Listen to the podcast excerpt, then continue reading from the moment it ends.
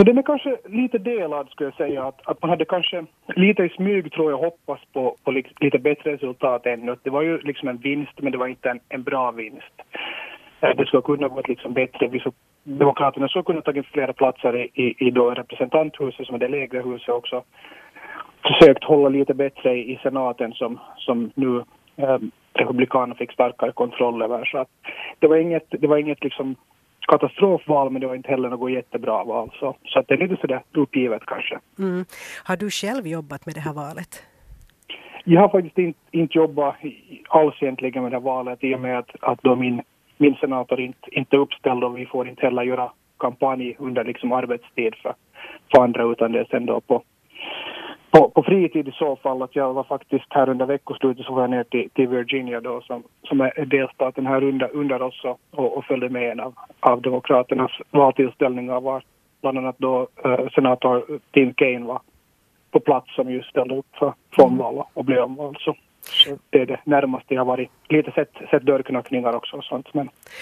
Vad sa man då för att locka väljare till valurnan? Var, var det till exempel hälsovården eller Donald Trump som man pratade om?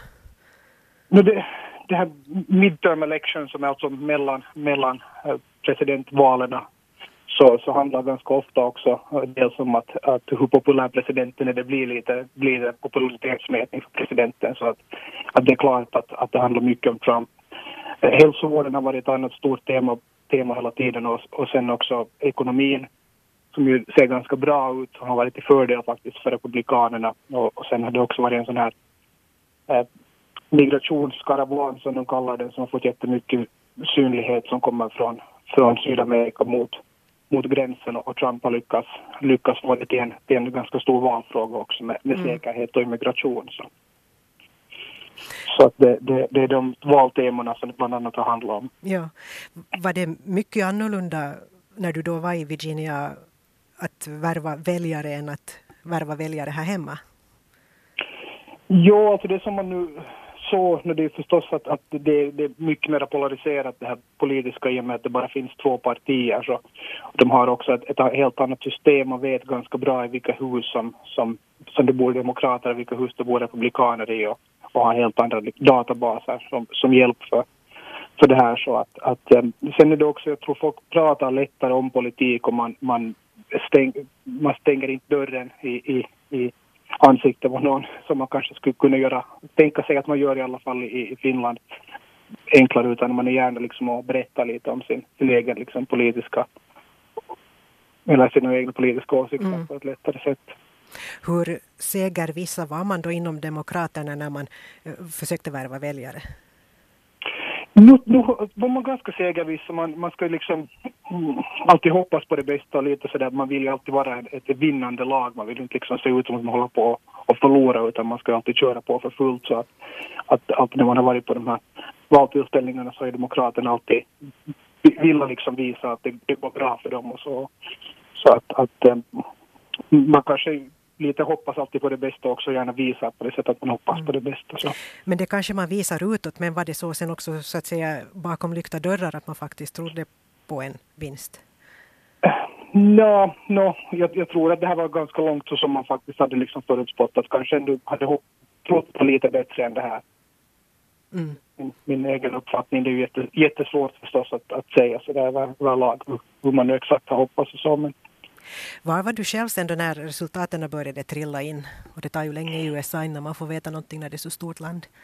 Ja, det tar, det tar hemskt länge. Jag var på en, på en valvaka här riktigt i, i, i centrum och, och följde med där. Det var också, också intressanta personer då, både från Republikanerna och Demokraterna och, och berättade om deras, deras syner och så där. Så, så att man har fått, fått, höra, fått höra många syner på, på resultatet redan då.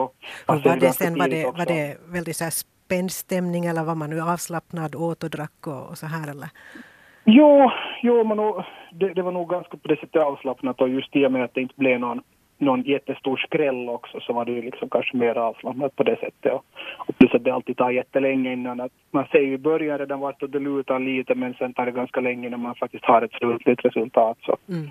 så att det, det är ju på det sättet liksom ganska, ganska avslappnat trots allt. Ja, vad var de första kommentarerna sen? Svor man eller sa man okej, okay, det var det? Nå, inte, inte tror jag det. Lite sådär uppgivet kanske mera bäst. Att mest, mest stämningen att äh, inte, inte, inga svordomar i alla fall inte. Okej. Hur ser vardagen ut nu då? Nå, nu så är det ännu, ännu äh, några, några dagar som det kommer att vara lite lugnare här, här antagligen och, och sen så, sen så rullar, rullar ju arbetet igång igen och de senaste tre veckorna så har det inte hänt någonting alls politiskt att det har varit liksom paus då i både huset och senaten så det har inte varit några politiker egentligen alls i Washington utan alla har varit hemma i sina, sina delstater, sina distrikt och kampanjerat där så. Så det blir liksom uh, lite, lite, någon form av back to normal här så småningom.